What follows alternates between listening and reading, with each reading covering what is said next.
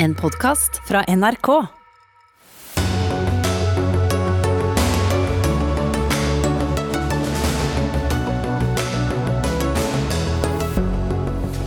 Det kan bli opptil tre måneders forsinkelse i massevaksinasjonen av voksne i Norge dersom vi ender opp med å ikke bruke de omdiskuterte vaksinene til AstraZeneca eller Johnson Johnson. Partiene deres kan ende opp i regjering sammen til høsten, men de er rykende uenige om rusreformen. Arbeiderpartiets varaordfører i Oslo ber Senterpartiets Trygve Slagsvold Vedum lese seg opp på fakta. Arbeidstakerorganisasjonen YS liker ikke at regjeringen vil fjerne plikten til å gå av med pensjon før fylte 70. Og Japan vil sende 1,3 millioner tonn med radioaktivt vann ut i Stillehavet. Er det trygt, spør Dagsnytt 18. God kveld og velkommen til um, tirsdagens Dagsnytt 18. Jeg heter um, Espen Aas. Vi kommer tilbake til uh, gjenåpningsplanene for Norge litt senere i sendingen. Helseministeren er på vei til studio.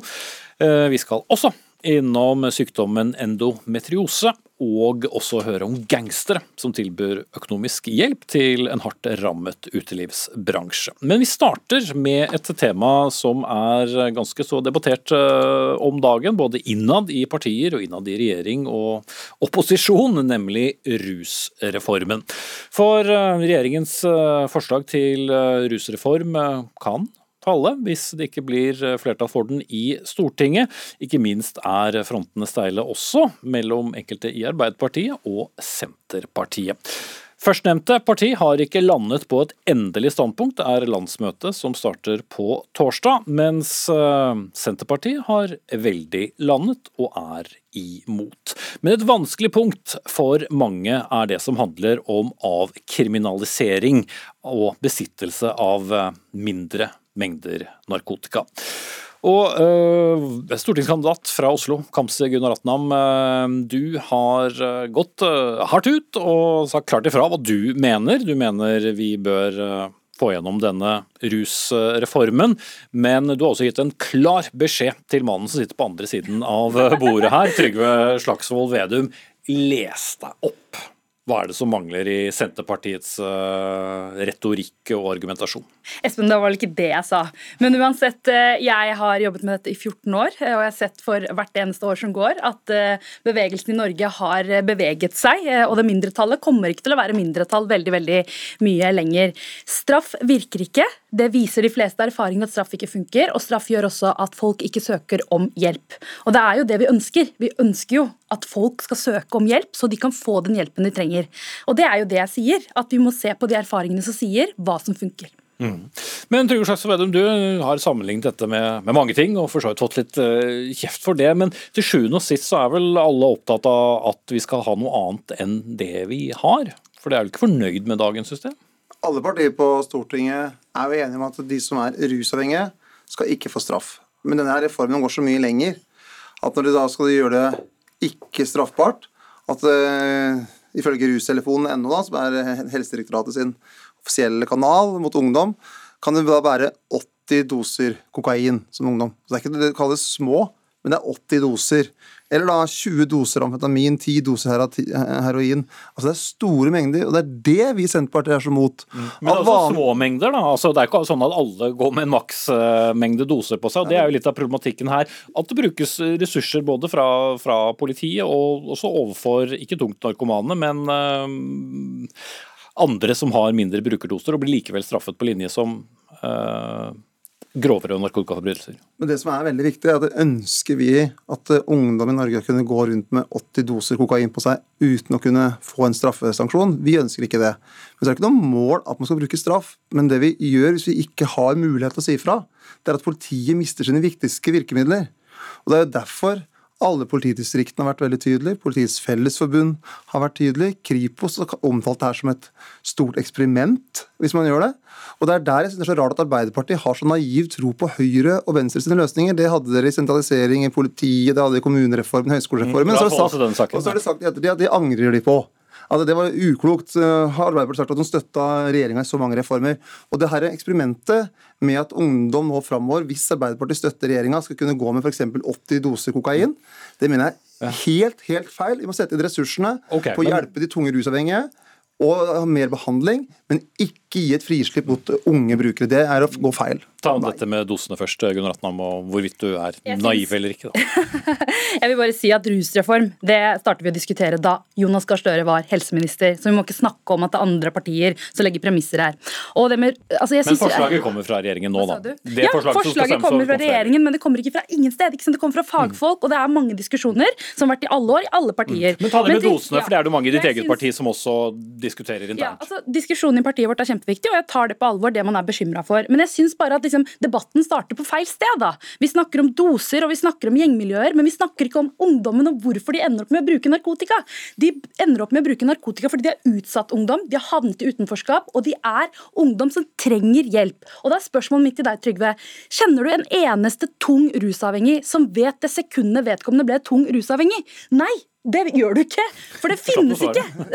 Det finnes ikke, fordi det skjer gradvis, og de kan ikke sitte her som politikere og forskjellsbehandle folk basert på eh, rekreasjonell bruker og tung rusavhengig. Den forskjellsbehandlingen kan ikke du og jeg stå for. Men det som er, hvis du ser rusbruken i Norge, rusbruken i Norge er lav sammenlignet med andre europeiske land blant ungdom. Vi er på Og, og, og, og Poenget er jo det skal vi da si framover at politiet ikke skal kunne ha sanksjoner? For det som politiet jobber med nå i dag, det er dyktige, flinke politifolk. Men det er ikke sanksjoner uansett. Nei, og det er det som politiet også jobber med nå. De sier til den gutten eller jenta som har begynt med rus Hør nå her, gutten min. Hør nå, jenta mi. Eh, Det her, her bør du ikke fortsette med. Vi kan sette opp et program. Vi skal få deg i gang igjen. Og da skal du også unngå en straffesanksjon. Men da har politiet et virkemiddel. Og det er det som vi er så redd for, og som da også Kripos omtaler som et eksperiment. Det er at det kommer til å bli flere som tør å begynne å eh, eksperimentere med stoff når man fjerner den straffesanksjonen. Men det er Og ikke et frislipp, Gunnar Atna? Ikke i det hele tatt. Vi skal ikke legalisere, vi skal avkriminalisere. Det betyr vi går fra straff, vi skal hjelpe folk. Og så er det viktig, eh, Trygve, eh, lista over ting du skal lese deg opp på, er bl.a. det vi har fått vite de siste to ukene om hva politiet gjør som ikke er helt lovlig. Og det lurer jeg litt på hva du tenker rundt. Om du ønsker å innføre nye tiltak og bruke virkemidler som i dag er ulovlig, ønsker du å innføre det? Det er, det er mitt første spørsmål eh, til deg. Skal vi ta Og det da- med nå igjen, Ja, la oss, la oss ta det nå. For det første, vi- Vi har et fantastisk dyktig politi i Norge. Det er et velutdanna, flinke politifolk. Og Så kan det alltid være eksempler der enkeltpersoner har gjort feil. Men, men politiet stort er dyktig. Forrige uke hadde jeg møte med politiet på Manglerud og Stovner. Dyktige folk oppsøker ungdom og gutter og jenter. Og de sa f.eks. nå hadde de opplevd at ungdom allerede hadde sagt at nei, vi har lov til å ha så mye stoff. For de hadde oppfatta at politikerne nå ønska at de kunne få lov til å gå med amfetamin, Men- men- men, kokain, øh, den la- type virkemidler. Og at de allerede i dag begynte å merke at det var vanskeligere å slå ned på rusbruk blant ungdom. Og det ønsker ikke Nei, at det, vi skal det det få mer skjønt, men hvis vi tar det punkt for punkt altså Det du ville ha svar på, tror jeg ikke du fikk svar på. Nei, det tror jeg Men, ikke. jeg, men det, er, det er hele tida sånn angrep på norsk politi. Nå bruker Arbeiderpartiet det.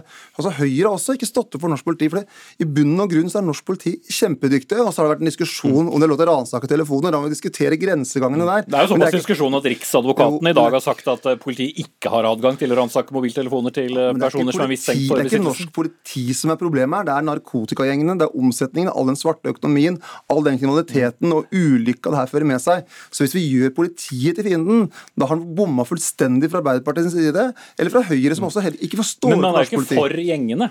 Nei, men Han bidrar til at gjengene nå får et mye større marked når f.eks. en dealer da, kan ha på seg 80, dos 80 doser kokain og kan si at det er eget bruk. Mye vanskeligere for politiet å slå ned på dealing. Men, men, men bare ta den biten av Gunnar for mange har jo reagert på det, også i ditt eget parti. og Jonas Gahr Støre snakket om det på pressekonferansen før landsmøtet i dag, at akkurat den biten er vanskelig for Arbeiderpartiet. Det som for mange oppleves som eh, da en legalisering.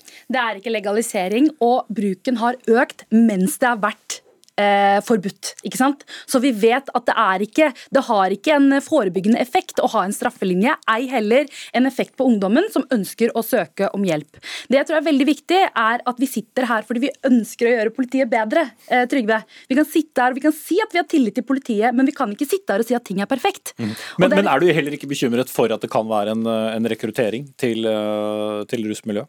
De Guttene og jentene som eventuelt er løpegutter og jenter for eh, kriminelle gjenger som omsetter, de er allerede utsatt ungdom.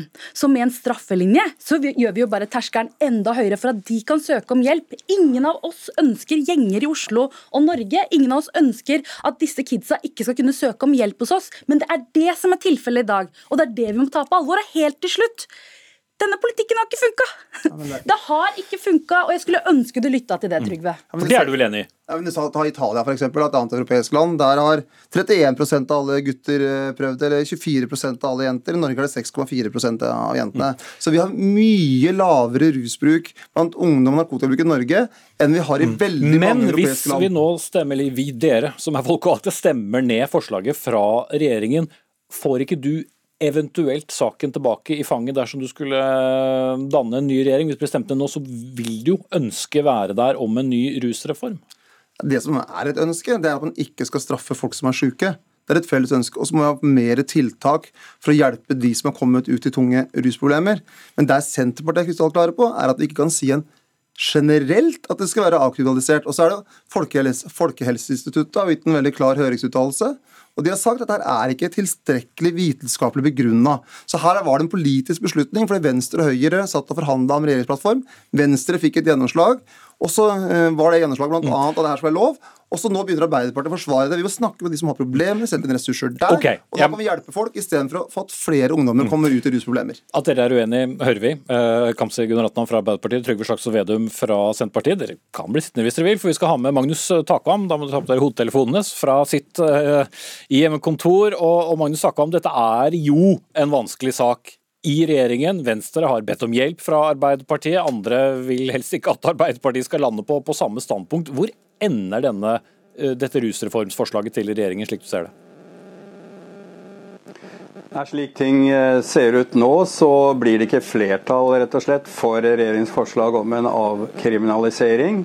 Og det er eh, bl.a. fordi både Høyre og Venstre har gjentatte ganger presisert at nettopp eh, avkriminalisering er bunnplanken i selve reformen, og at det ikke er aktuelt for dem å gå inn på en type skal vi si, deling mellom rusavhengige og andre brukere, slik en del eh, både i Senterpartiet, Arbeiderpartiet og eh, Frp snakker om. Nå er premisset for det jeg sier da, at Arbeiderpartiets flertall ikke da går inn for en avkriminalisering. I så fall er det flertall for, regjeringens forslag i, i, Stortinget, men slik jeg leser Arbeiderpartiet nå, så ligger det i hvert fall ikke an til det. Mm. Men det er jo veldig mye prestisje som har gått inn i den saken, ikke minst fra Venstre, også fra Høyre. Det er eh, mange i de hva skal vi si, urbane lokallagene da, til Arbeiderpartiet som har satt inn mye på dette. Her blir det jo da også mange tapere, selv om et, eh, et flertall eh, vil føle at de vant. Ja, selvfølgelig. Altså, jeg tror at det grunnleggende her er altså Når det da tydeligvis, eller etter all sannsynlighet, ikke blir flertall for en avkriminalisering, så er en av de viktigste grunnene at det ikke er forankret godt nok i opinionen, og at det er stor usikkerhet om dette fører til, kan føre til økt uh, rusbruk og narkotikabruk fra ungdom. Jonas Gahr Støre sa på en pressekonferanse før i dag at han hadde to solidaritetshensyn inn i denne diskusjonen, nemlig hensynet til de tunge rusmisbrukerne og hensynet til dem som er på vei inn i et narkotikamisbruk. Men den debatten som handler om, som jeg var inne på, å skille mellom rusavhengige og yngre og rekreasjonsbrukere, den har jo bl.a. Eh, Riksadvokaten presisert er prinsipielt, eh, eh, om ikke umulig, så meget vanskelig å gå inn på. Fordi man ikke kan straffe den samme handling ulikt ut, ut fra egenskaper ved den som utøver handlingen. Slik at det sporet Arbeiderpartiet og Senterpartiet, eh, sitt flertall i Arbeiderpartiet er inne på, eh, møter da både juridisk og politisk eh, motstand her. Så dette ser, ser i øyeblikket vanskelig ut hvis man tenker på å få gjennomslag for denne sosialpolitiske reformen. Men det, det, det et parti som Venstre nå vil gjøre, hvis det ender slik, er jo selvfølgelig å peke på eh, Arbeiderpartiet og hevde da, og si da politisk, det er valg, valg i år, at det er Arbeiderpartiet som, som, hindrer og stanser en av de største sosialpolitiske reformene i Norge i, i, i vår tid. Så det er en klar politisk eh, side av dette i et valgår også, selvfølgelig. Og, og til slutt, eh, Magnus Takvam, som vi var inne på i studio, så var det jo ikke dette et arbeid som startet nå. Ønsket om en, en rusreform har vært der av flere helseministre og av flere regjeringer. Er da denne saken nå politisk død, eller vil den komme tilbake til en eventuell uh, ny regjering hvor både Senterpartiet og Arbeiderpartiet fortsetter? Vi, det skal jo gjøres en jobb i Stortinget først, og uansett så vil en ny regjering, eh, hvordan den nå enn ser ut, få dette på sitt bord. Så det er klart at uh, igjen, hvis det blir et, et regjeringsskifte, så er det jo mange rød-grønne partier som er tilhengere av en rusreform, og som helt sikkert ikke vil stanse arbeidet med den i, i, så fall. Men vi får vente og se først hvordan komiteen i Stortinget og Stortinget eh, ender opp i, i, denne saken. Og først får vi ha Arbeiderpartiets landsmøte om dette. Som starter på torsdag. Takk skal du ha, Magnus Takvam. Og så får vi Beklager den litt artige lyden som sikkert eh, irriterte en smule der hjemme.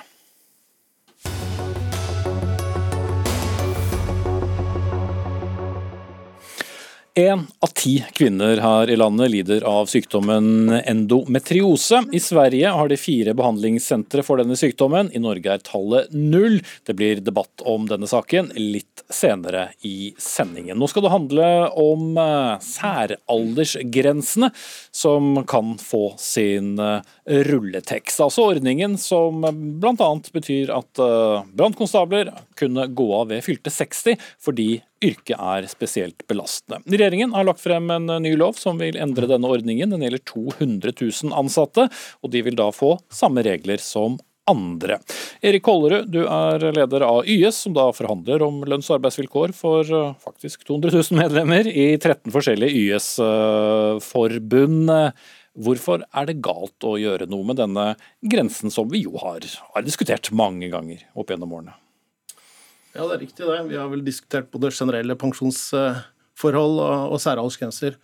Eh, det er viktig å merke seg at eh, bakgrunnen for spesielt fratredelsesplikten, som vi snakker om her, når det gjelder særaldersgrenser, den er jo knytta til at det ligger samfunnsmessige eh, forhold bak. Altså det er vurdert sånn at her stilles det spesielle krav til fysiske og psykiske egenskaper for denne type yrkesgrupper, som gjør at man altså har sagt at her er det viktig at vi setter en plikt til å gå av for å sørge for at de som er i yrket, faktisk er fit for fight, for å kalle det det, og at de altså ikke eh, er for gamle for å kunne utføre yrket sitt. Så dette er også ikke en individuell rett å gå av, det er faktisk en plikt på vegne av samfunnet for å sørge for at vi har en god beredskap, og at dette er mennesker som kan hjelpe oss når vi trenger det. Mm.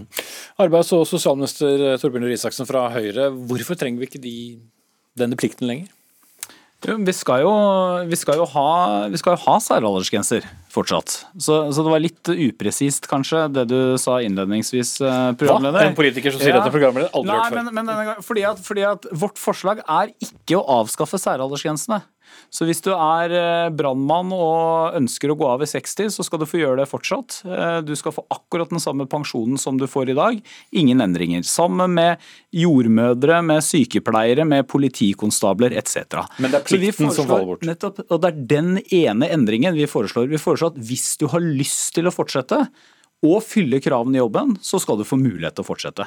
Så Det er veldig viktig, for at eh, noen av fagforeningene og de som er kritiske til dette, eh, selv om mange av medlemmene deres ønsker jo dette, de forsøker å fremstille det som om dette er et angrep på særaldersgrensene som sådan. Det er det ikke. Det er rett og slett en mulighet for de som ønsker å stå i jobb lenger og klarer å fylle kravene, til å ikke bli eh, altså at arbeidsgiver ikke er forpliktet til å gi dem sparken bare fordi at de har fylt bursdag. Mm. Svar på det direkte, Kollerud. Eh, ja, vi, det er jo noe med historien her. Eh, vi har altså gjennomført forhandlinger nå i en del år bakover. Vi tilpassa offentlig tjenestepensjon til den nye folketrygden, og vi forsøkte også å komme i havn med eh, forhandlinger når det gjaldt særaldersgrensene, som også handla om å tilpasse til den nye folketrygden. Der kom vi ikke i havn, nettopp fordi de vilkårene som ble fremma av regjeringen for de gruppene vi snakker om her, de var ikke gode nok til at vi kunne kunne bli med på den løsningen. Jo, jo, Det er litt av historikken, men hva er da problemet hvis du kjøper statsrådens uh, fremstilling at det kun er, uh, er, plikten det handler om? Ja, Poenget er jo at uh, dette er en pensjonsordning hvor alt henger sammen. og det er klart at Vi ønsker å ha forhandlinger på hele elementet.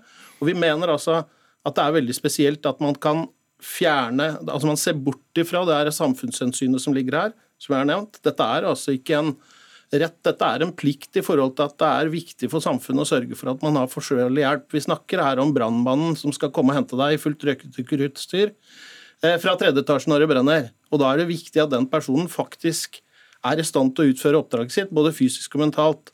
Og Da har altså samfunnet lagd en regel hvor man sier at der setter vi noen aldersgrenser. Vi mener ikke at det er riktig at personer opp mot 70 år skal kunne utføre den type arbeid. Og vi mener at vi skal altså forhandle på de løsningene vi har ikke vært imot å se på det. Vi vil gjerne være med å diskutere hvilke grupper skal det gjelde. Men vi mener det er riktig at det er en plikt. Så, så det du reagerer på er at regjeringen har da fjernet det? Altså det den altså, plikten, og, og gjør det mer ja, valgfritt ja, og, de, og i de avtalene vi hadde, så var det altså sånn at uh, vi mener at vi hadde en avtale, og det står også i, i uh, skriftlig, at vi skulle forhandle om det her før man gikk uh, lovveien. Det man velger nå, er fordi vi ikke kom i havn med de første forhandlingene, så velger man altså å torpedere forhandlingene og heller da ta, ta, ut elementer av pensjonsavtalen som gjør at forhandlingene er mye vanskeligere. Mm. Ja, altså, eh, for, å, for, å, ta dette med forhandling først. altså Hvis vi skal gjøre noe med særaldersgrensene generelt, ikke bare da si at uh, du har, skal få en mulighet til å fortsette dersom du ønsker det, men fortsatt få lov til å gå av med akkurat samme pensjon som i dag, altså der er det ingen endringer i det vi foreslår, så skal vi selvfølgelig, må vi snakke med partene om det. Og pensjon også for har vi jo forsøkt å forhandle forhandle med partene om. Men så bare til det resonnementet eh, om at jo, men det er nødvendig at alle som blir 60 Uavhengig av lyst, kvalifikasjoner, fordi du blir 60, så skal du ikke lenger kunne jobbe som f.eks. politi eller brannmann.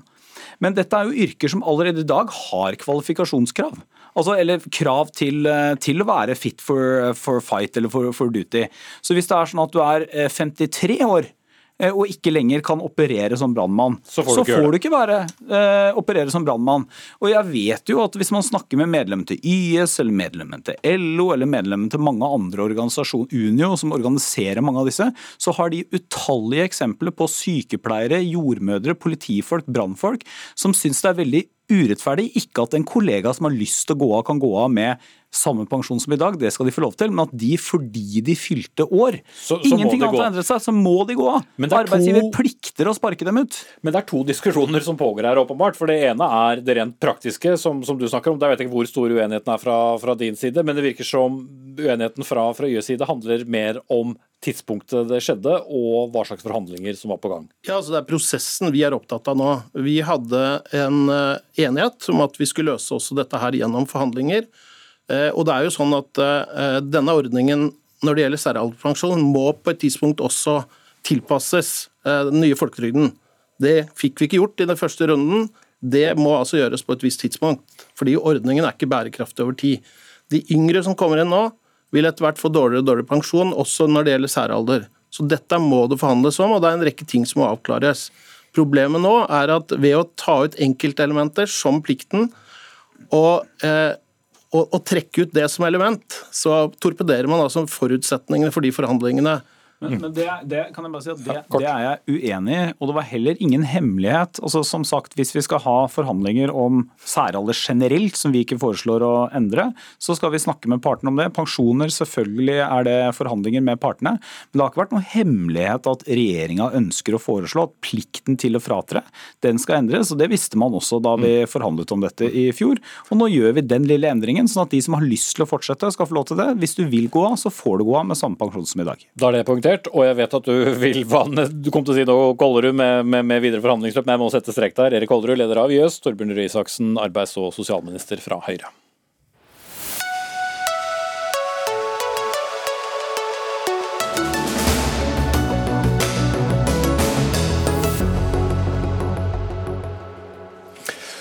Endometriose, hva vet du egentlig om den sykdommen der hjemme? Kanskje ikke så mye, men den rammer én av ti kvinner og kan være meget smertefull. Og det kan ta gjennomsnitt sju år å få diagnosen. Kort fortalt så er det en tilstand der vev av lignende type som slimhinnen i livmoren vokser utenfor livmoren og gir ofte symptomer som sterke menstruasjonssmerter, smerter ved eggløsing, og også en del kroniske smerter. Martine Halvorsen, blogger, du er med oss på linje. Du er en av dem som lider av dette. Kan du beskrive for de som ikke kjenner tilstanden, hvordan det er? Ja, det, jeg kan prøve så godt jeg kan i hvert fall. Eh, det er ekstremt smertefullt. Eh, flere ganger i måneden. Eh, for mange nesten hver dag. Eh, og jeg pleier å beskrive det som at det nesten er, kjennes som det er kniver eh, i livmora. Eh, ofte så kan man få kramper når det ikke akkurat passer seg. Som er ekstremt smertefulle. Og hvordan, eh, eller hva slags er vel eh, riktig grammatikk, behandling er det du da får for dette, og hvordan hjelper det? Jeg opplever at det er eh, dessverre altfor lite kunnskap og for lite tilbud om behandling. Jeg har møtt ekstremt mange fagpersoner som ber meg dra hjem og hvile og spise Paracet.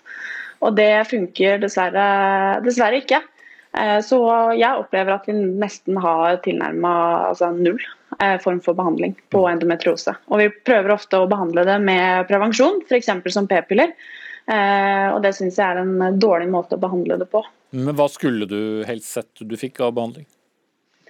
Jeg skulle gjerne hatt et, sted å gå eh, der jeg fikk eh, profesjonell hjelp med mennesker med, eller fagpersoner. Eh, jeg har også opplevd å sitte ganske hysterisk og vri meg i smerter i en gynekologstol. Rundt, der jeg har to gynekologer rundt meg og fått spørsmål om jeg ikke bare har spist noe dårlig.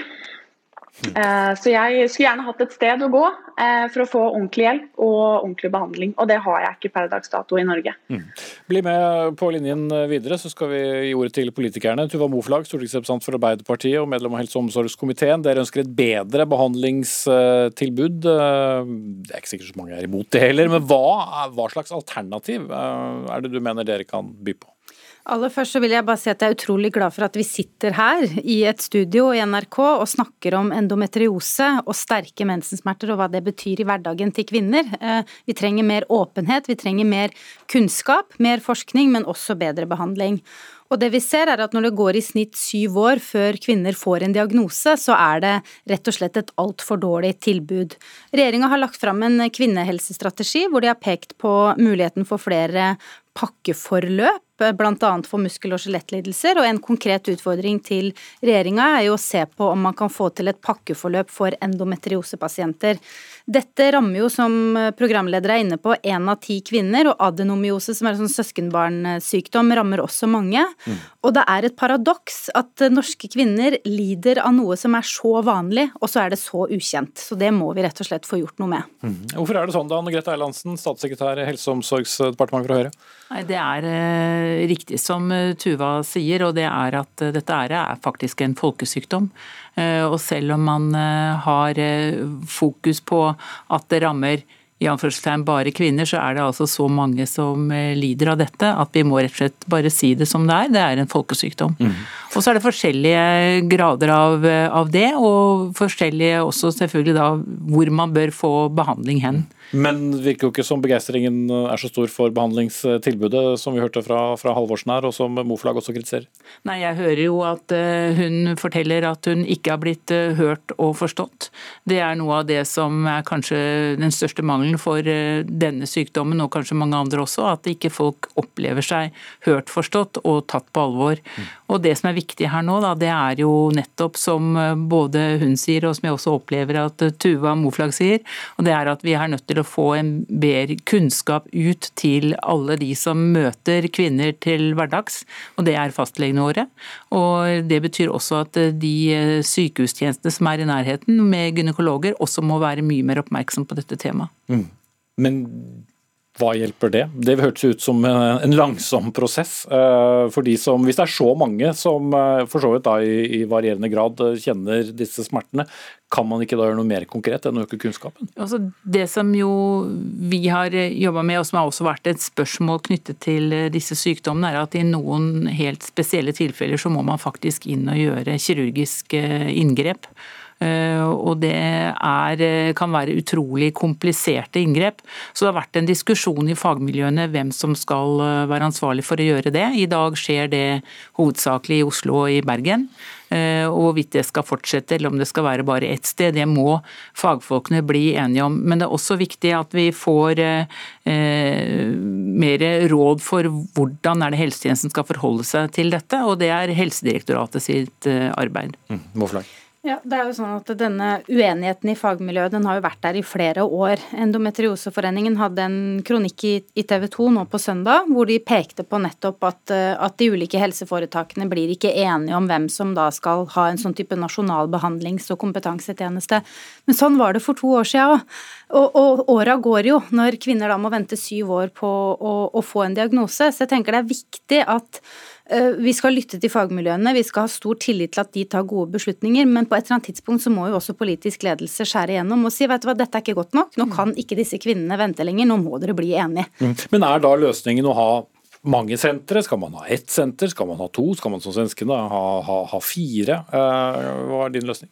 Uh, Løsningen er at du må ha god kompetanse på diagnostikk i hele landet. Eh, men så er det som Erlandsen også er inne på, at det er ulike For sju år på å få diagnosen hørtes jo veldig lenge ut. Ja, det, det, er uakseptabelt. Så vi må ha god kompetanse på diagnostikk spredt over hele landet. Men så er det sånn at eh, for noen som er så hardt ramma som enkelte er, så må man, må man, ha avansert kirurgi. Og det er det nok eh, lurt at man samler ett eller et fåtall steder. Men det viktigste er jo at, at vi får det på plass. Mm. At det blir bedre og ikke minst mer tilgjengelig i, i, hele landet. Endometrioseforeningen sier at nå er det liksom ikke noe særlig bra eh, behandling å få utenfor Oslo. Og sånn kan vi ikke ha det i et landstrakt land, land som Norge. Mm. Ja, for det koster jo penger. Altså, hvis folk eh, har så store smerter, så kan du ikke jobbe som, som vanlig. Så samfunnskostnaden må jo bli, bli veldig høy. Altså, det er jo faktisk sånn at hvis vi gir god kvalitet raskt, så er det det mest effektive og det mest økonomiske vi kan gjøre. Så det er egentlig ikke noe motsetning i det hele tatt. Så, Men er det pakkeforløp som, eh, som Arbeiderpartiet foreslår en løsning? Pakkeforløp kan være det. Altså hvordan, eh, det er jo på mange måter en oppskrift på hvordan man skal diagnostisere og hvordan man skal følge opp eh, videre. Så det kan absolutt være et innspill å ta med seg det. Hvorvidt det skal være en pakkeforløp eller en retningslinje, det, det kan vi ta med oss. Men jeg er helt enig med Tuva Moflag, og det er at vi må bare be fagmiljøene bli enige på den toppekspertisen i forhold til kirurgi. Fordi eh, det må vi klare å få på plass, og da tror jeg kanskje at fagmiljøene kan eh, bruke energien sin på de tingene som rammer de fleste, nemlig diagnostikk og behandling. Nikkes det så mye her at uh, jeg lurer på om dere driver og er noe så rart som enige i studio her, eh, Moflag? Uh, ja, jeg ville bare si det at hvis jeg, hvis jeg, husker tallet riktig, så er det vel 13 milliarder som er anslått samfunnskostnad for endometriose. Og i veldig mange sammenhenger så blir det trukket fram at kvinner har høyere sykefravær enn menn. Og jeg blir litt sånn søren heller, ikke får vi den behandlinga vi trenger, vi må vente sju år på diagnose, og i tillegg så skal vi bli shama for at vi har høyere sykefravær. Det finner jeg meg rett og slett ikke i.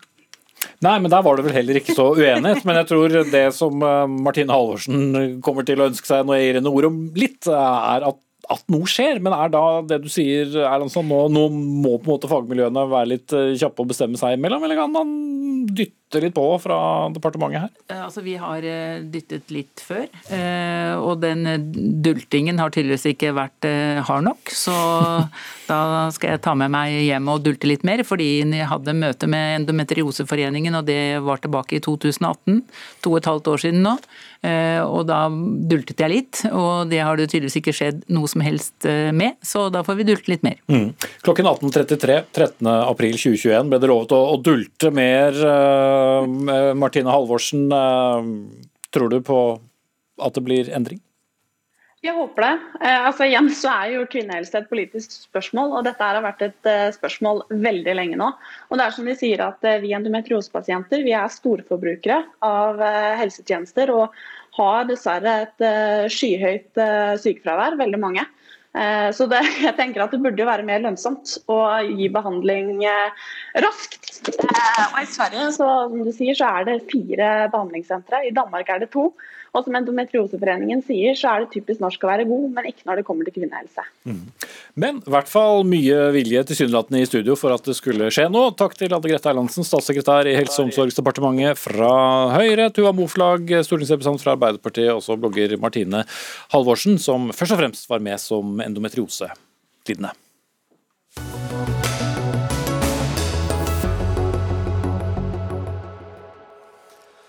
Gledet du deg til at eh, alle voksne skulle være ferdig vaksinert eh, et sted ved fellesferien?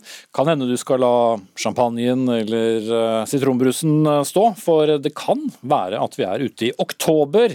Iallfall dersom vi ender opp med å ikke kunne bruke de etter hvert omdiskuterte vaksinene fra Johnson Johnson og AstraZeneca, som jo har hatt enkelte tilfeller av alvorlige bivirkninger. Dette oktobermålet kom frem for pressekonferansen deres i dag. Eh, Bent Høie, helse- og omsorgsminister. Men er dette et, eh, det mest realistiske scenarioet med tanke på, på, vaksineringen? Eh, nei, det er for tidlig å si. Det som jo utløste dette, er jo den nyheten som kommer fra USA nå, som har jo tatt i bruk Johnson Johnson-vaksinen. At de setter den på pause. Og Det er klart, den, det er den som er viktigst eh, for oss for å unngå den utsettelsen du sier. Hvis vi ikke kan ta i bruk eh, AstraZeneca-vaksinen, som vi jo ikke bruker nå, så er det nok snakk om bare eh, noen få uker forsinkelse. Men kan vi ikke ta i bruk den vaksinen heller, så vil det være snakk om 10-14 uker, dessverre. Mm. Fordi det som skulle løse mye, var egentlig Johnson Johnson-vaksinen. For der skulle det komme mange doser, og vi kunne sette i gang med en ganske omfattende vaksinering. Og hvis den nå blir sett bestående på en, så, så skjer ikke det. Det er riktig, men så er det òg sånn at uh, den uh, kommer ikke til Norge i et veldig stort omfang før i uh, juni. Sånn at det at vi nå mister noe tid med den vaksinen eventuelt. Dette er jo ikke avgjort ennå, har ikke så stor betydning. Men hvis det blir en varig konklusjon, så kan det ha den type betydning. Men så eh, må jeg jo da understreke, så kan det komme andre gode nyheter om, om andre vaksiner. Vi har jo to vaksiner som er i et godkjenningsløp som kan komme og som kan forbedre denne situasjonen. og Så kan det jo òg øke produksjonen av de to vaksinene som vi bruker i dag. Mm. Men, men, samtidig, når Australia øh, bestemmer seg for å droppe én vaksine, USA setter det på vent selv, britene har jo blitt eh, mer skeptiske til sin egen eh, AstraZeneca, så vil jo etterspørselen også for eh, Pfizer og Moderna også fort vokse, og da Absolutt, og derfor er det jo så godt at vi er en del av et stort fellesskap som kjøper vaksiner, og som har gode avtaler. Og Dette viser hvor viktig det var at Norge ble en del av et fellesskap som hadde muskler til å satse på mange ulike vaksiner. Jeg tror hvis vi hadde spurt i juni-juli i fjor, så tror jeg nok at veldig mange hadde anbefalt oss å satse nettopp på disse to vaksinene, eh, som nå er satt på vent eller pause. Mm. Preben Aavitsland, overlege i Folkehelseinstituttet. Det vi jo egentlig var aller mest opptatt av å snakke om i dag, helt til disse litt målstemte mollstemte vaksinenyhetene kom, var jo selve gjenåpningen. Og vi venter jo da på gjenåpning trinn én. Og hvis vi går på selve smittesituasjonen i Norge i dag. Hva er det den forteller oss som gjør at vi kan begynne å åpne? Ja, Vi syns jo det er en positiv utvikling at eh, tallene går nedover. Både for antall smitta og antall sykehusinnlagte. Så det ser ikke ut til at eh, påsken har eh, gitt noe voldsom forverring. Og så er det viktig å peke på at landet er nokså todelt. Vi har et område rundt Oslo, fra liksom Sarpsborg og opp til Oslo, ned til Drammen, som har en, en ganske alvorlig situasjon fremdeles. Men ellers i landet, i de aller fleste av landets kommuner, så er det nokså rolig. Og der er det nok eh, mer grunnlag for den gjenåpninga som regjeringa kom med i dag. Og så er Oslo-området allerede dekka av strenge tiltak som ikke blir endra nå. Mm.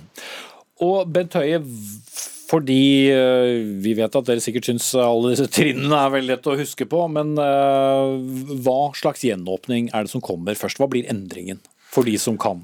Altså det, dette er jo endringen i de innstrammingene som kommer rett før påske. Så Det betyr at i resten av Norge der en ikke har strengere lokale tiltak, så kan en f.eks. nå ha fem på besøk istedenfor bare to eh, en går tilbake og sier at en skal holde minst én meters avstand, ikke to meters avstand.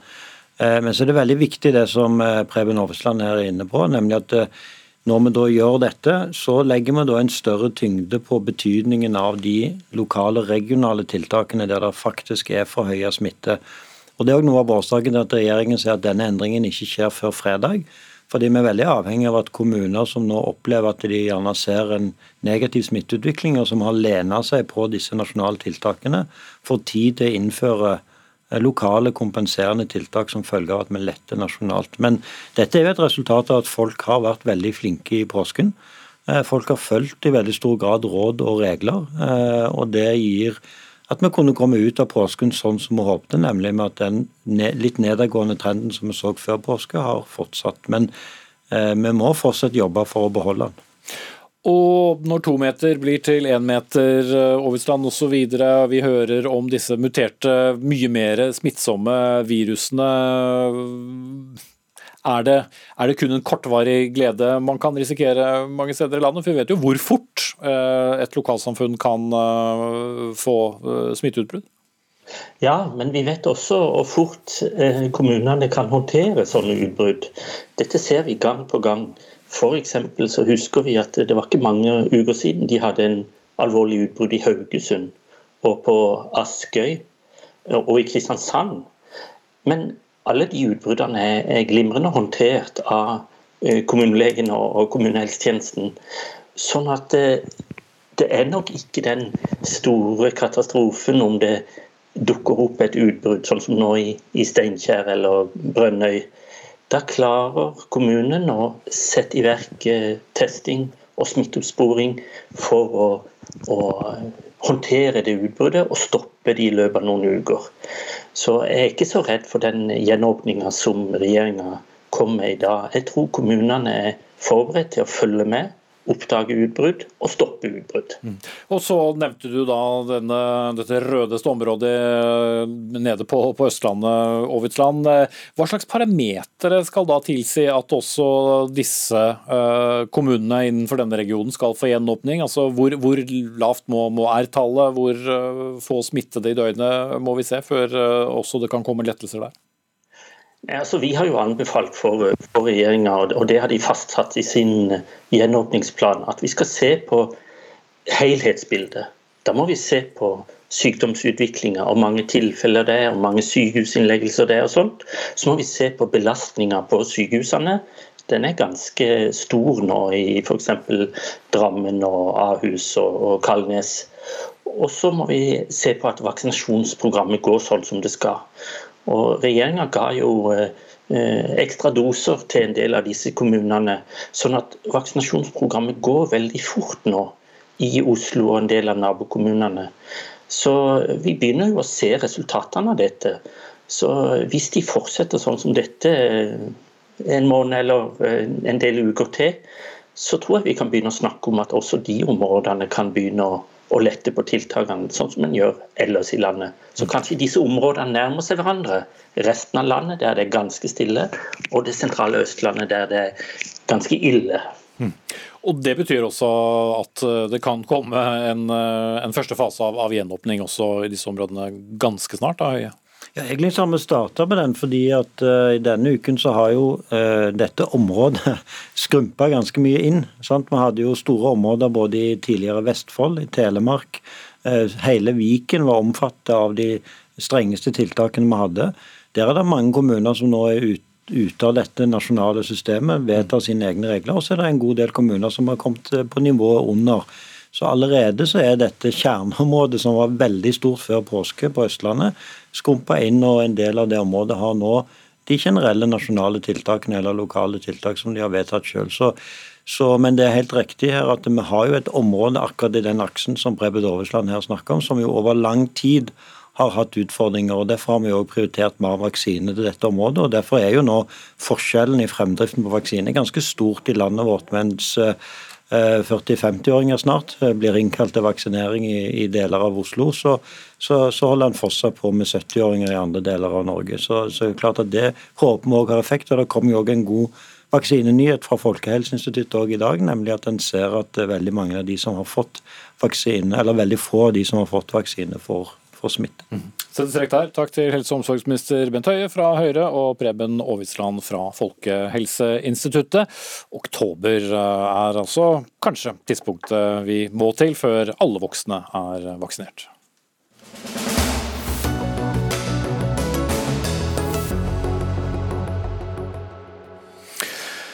1,3 millioner tonn radioaktivt vann rett ut i Stillehavet. Ja, det har japanske myndigheter bestemt seg for som del av opprydningsarbeidet etter atomulykken i Fukushima i Japan, som faktisk er blitt ti år siden. Verdens mest alvorlige atomkraftulykke siden Tsjernobyl i 1986. Men eh, mange hoppet litt i stolen mang et sted da de hørte hva som skulle skje med dette radioaktive vannet, både internasjonalt fiskere og øvrig befolkning i Japan også. Nils Bøhmer, eh, sektordirektør hos eh, Norsk nukleær dekommisjonering. Hvor alvorlig er det å slippe ut alt dette vannet? Et godt spørsmål. Men tritium, dette radioaktive stoffet, er jo det som er kanskje minst farlig av alle de radioaktive stoffene vi har. Så dette radioaktive avfallet finnes nå i 1000 tanker. Eh, det er en stor utfordring på hvordan man skal håndtere dette avfallet. Man har jobbet nå i ti år siden ulykken for å finne en løsning på å rense ut, få det over i fast form og for å håndtere det på en trygg måte. Det har man ikke klart å gjøre. Man har hatt internasjonale eksperter og sett på dette. Eh, så det er store volum det er snakk om, men selve radioaktiviteten og farligheten er ikke så veldig stor. Mm. Så man skal ta det med en litt puste litt med magen også, dette her. Og så skjønner jeg også fiskerne og lokalbefolkningen som har en dyp mistillit også til japanske myndigheter etter ulykken. Ja, Frode Pleim, leder i Greenpeace Norge. Bare det å bruke et verdenshav til en sånn uh, avfallsplass for uh, radioaktivt avfall man ikke vet helt hva man skal uh, gjøre av. Finnes det bedre løsninger? Vi mener at det finnes bedre løsninger. Altså, vi er jo veldig lei av at havet behandles som ei gigantisk søppelfylling. Vi kveler det i plast, vi, vi, vi, fisker det tomt, vi varmer det opp med, med klimaendringer. Vi syns det er en utrolig dårlig idé å dumpe 1,3 millioner tonn med radioaktivt avfall i havet i tillegg. Jeg har, jeg, jeg har, bodd i Japan. Eh, jeg skjønner godt at disse fiskerne og lokalbefolkninga ikke klarer å tenke med magen i en sånn situasjon. Løsninga er at selskapet må stå for kostnaden for å fortsette å lagre avfallet på land. Vi må være føre var. Det er ikke trygt å dumpe så mange eh, millioner tonn med eh, avfall til havs. Mm, ja, men det har også en utfordring det å lagre disse, dette flytende avfallet på land. Disse tankene de kan revne, det kan komme et nytt jordskjelv. Jeg tror kanskje at konsekvensen av en sånn scenario kanskje kan være verre enn hvis man klarer å gjennomføre en kontrollert utslipp i Stillehavet. Og så er det litt det også kanskje å bygge opp si, kunnskapen og tilliten om hvor farlig dette er, hvilke mekanismer fins for at det tas opp i biologiske organismer osv. osv. Det er det man blir bekymret for. Hva skjer med, med fisken? Hva skjer med, med, planteliv? Hva skjer med annen, annen natur? Og, og hvor, hvor, blir det av uh, i verdens største hav?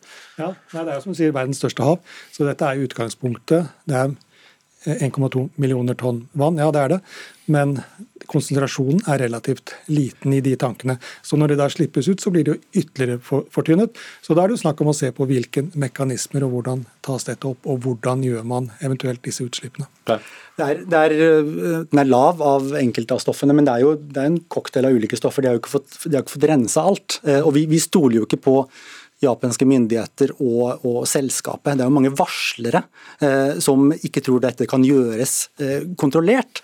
Og så er vi som sagt utrolig eh, lei av det som skjer både i Japan og i Norge og resten av verden. At eh, vi behandler havet på en utrolig dårlig måte. Om vi setter det inn i en norsk kontekst da, når, det gjelder, når, det gjelder, når det gjelder miljøet litt gruveavfall i Førdefjorden eh, og, og eller litt utslipp fra oppdrettsselskaper eh, liksom i fjordene langs, langs, eh, kysten vår. Altså, Når er nok nok? Vi må slutte å tenke sånn. Mm. Vi må slutte å tenke at vi skal også dumpe dette avfallet til havs. Mm. Men vi har nå da dette avfallet, og, og som Bøhmer er inne på, og vi husker jo historikken, og du var jo der, med, med, med jordskjelv. Er, er, det, er det så sikkert å ha det på land? Det var jo store områder man ikke kunne bevege seg inn i den gangen. Ja, vi mener at det er fullt mulig å forsterke disse, disse, tankene. Vi mener at det er tryggere enn å foreta ei, ei kontrollert uttømming av 1,3 eh, millioner tonn med vann. Det øker med et par hundre tonn eh, om dagen. Og så må vi ha i bakhuet at Atomkraftindustrien i Japan er korrupt, har vært det lenge. Forurenser skal betale for kostnaden når det skjer miljøskade. Og Da er problemet med disse tankene at grunnen til at det skal slippes ut til havs, er ikke at det er helt trygt. Det er at det er dyrt og komplisert å fortsette å lagre det. Og det er den tankegangen vi må bort fra miljøpolitikken. Både i Japan og i Norge for den del. Hva tror du dette gjør med debatten eh, i, i Europa? Eh, kraftbehovet er, er, stort, og det er, eh, det er, mange fordeler med atomkraft når det gjelder å kunne utnytte energien, men så har du problemet med, med avfallet. Vil dette, som stadig er et tilbakevendende problem i Japan, påvirke debatten nærmere oss? Kanskje ikke akkurat dette problemet her, for dette var så ekstremt, den hendelsen som skjedde i Japan. Det er nok andre ting som er en del av eh, diskusjonen om atomkraft, bl.a. kostnader knyttet til å bygge nye sikre atomkraftverk, som kanskje gjør at den debatten tar et litt annet spor i Europa. Mm. Vi tenker når det gjelder Dumping av eh, avfall til havs, altså radioaktivt avfall, det er noe som det går å være mot, enten du er for eller mot nye atomkraftverk. Mm. Og så har de sluppet en ny Godzilla-film oppi det hele, som ikke har noe med dette å gjøre. Men takk skal dere ha, Frode Kleib, leder i Greenpeace Norge, og Nils Bøhmer, sektordirektør hos Norsk nukleær dekommisjonering.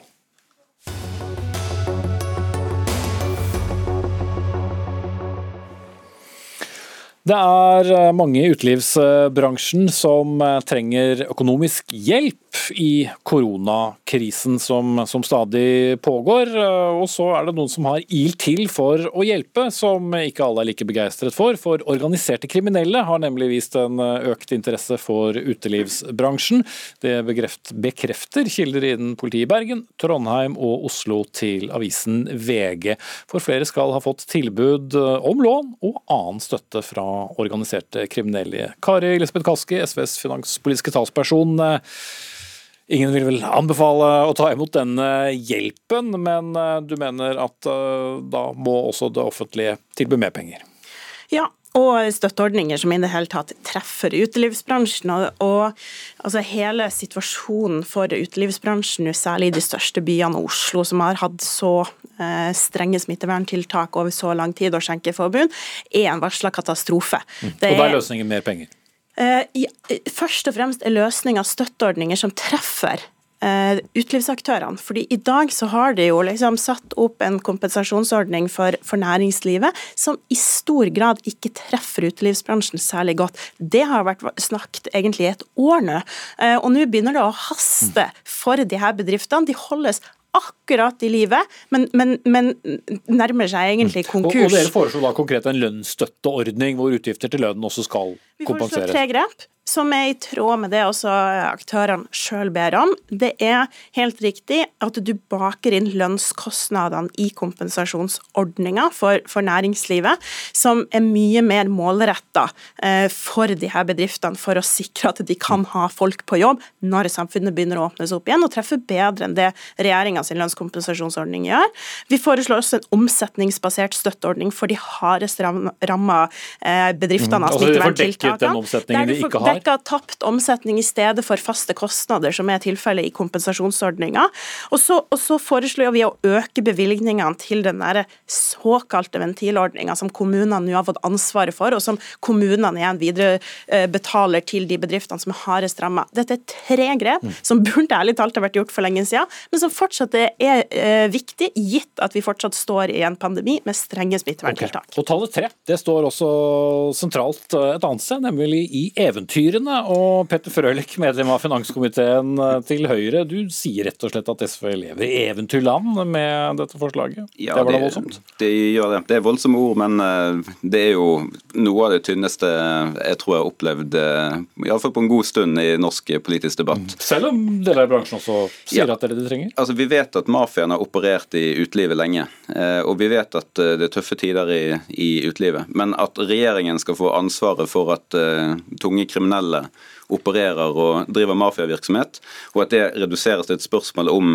eh, liksom, kompensasjonsordningen er for god, det aksepterer jeg slett ikke. Mm. Men, men poenget, det retoriske poenget er vel at den ordningen som er der, ikke er god nok, og derfor så lager de et marked for kriminelle som, som gjerne vil uh, hjelpe? De har uh, forsøkt å hjelpe næringslivet lenge før korona, og de kommer til å prøve å hjelpe næringslivet lenge etter korona. Men jeg er alltid med på en diskusjon om hvordan vi skal få ordninger til å treffe bedre. Vi har For eh, løsningen samme... er vel ikke å ikke gjøre noe? Nei, altså vi har, For det første har vi jo verdens rauseste kompensasjonsordninger for næringslivet. Vi har brukt 100 milliarder på næringslivet. Vi har kompensasjonsordning som dekker både eh, kostnader, lønnsstøtte, eh, vi har gode permitteringsordninger. Jo da, men som fortsatt ja. ikke eh, virker nok, sier bransjen og, og Derfor så kommer det nye tiltak nå som også dekker tap for varelager. Altså, Vi er hele tiden ute etter å gjøre ordningene bedre, men å koble dette til at nå raner de banker eller nå stjeler de biler fordi at ikke velferdsordningen er god nok i dette landet, det blir for tynn suppe, altså, rett og slett. Mm, det var ikke akkurat de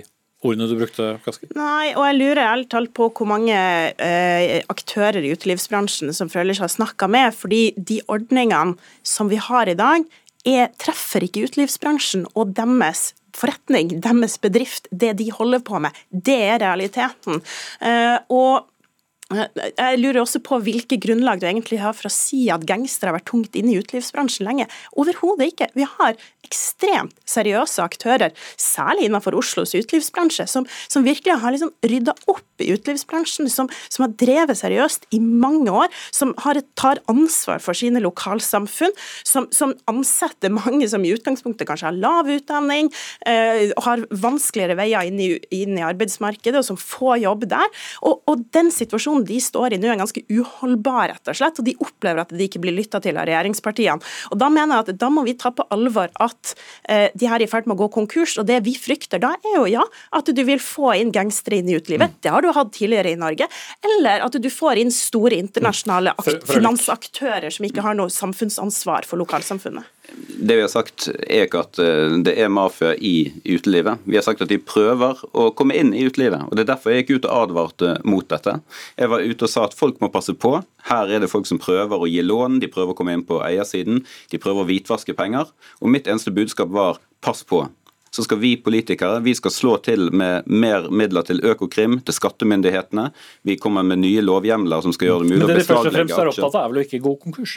Ja, det skjønner jeg. Og, og, og det er veldig mange bransjer som, som har det vanskelig. Eh, utelivet også. Derfor har vi imøtekommet dem gang på gang på gang med å tilpasse ordninger. Men det som SV snakker om, det må vi bare ha klart for oss. Det er en nasjonal omsetningskompensasjon som blir urettferdig, den er lite treffsikker, den er dyr. Mm. Og, og problemet, med, pro problemet med, en sånn omsetningskompensasjon er at du, du, du, vet ikke hvor du skal sette grensen for hvilken bransje som skal omfattes. Hva med hotellene? Hva med reiselivet? Hva med transportnæringen? Hva med alle serviceyrkene? Det, det, det er ingen grense. Dette har vi jo foreslått i flere runder nå, og det er basert på det som har vært gjort i andre land også. Og du må, du må nettopp peke ut de spesifikke bransjene som er hardest rammet av konkrete smitteverntiltak. Skjenkeforbud er eh, nettopp et sånt smitteverntiltak som i praksis nærmest vil være yrkesforbud for en bar eller en pub.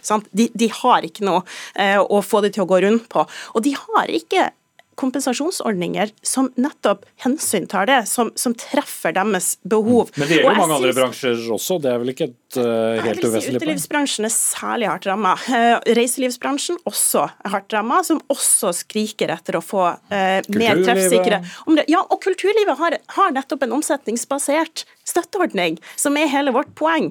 Eh, og det å kunne skjæle til det og innrømme at ok, den ordninga man spikra sammen for et år siden i hurten og sturten, treffer ikke så godt akkurat de bedriftene, eller små og mellomstore aktører, eh, tror jeg hadde vært lurt av regjeringa. Og det er med respekt å melde opposisjonen og SV som har kjempa gjennom bl.a. tapt varelager, tas inn der. Jo, det er det, og regjeringa har stritta imot. Så vi har forsøkt å ta denne kampen gang etter gang etter gang, og det er på tide at regjeringa hører etter. I det kanskje er gjenåpning eh, full gjenåpning noen måneder inn i fremtiden. Er dette tiden da å, å spare, Frølich?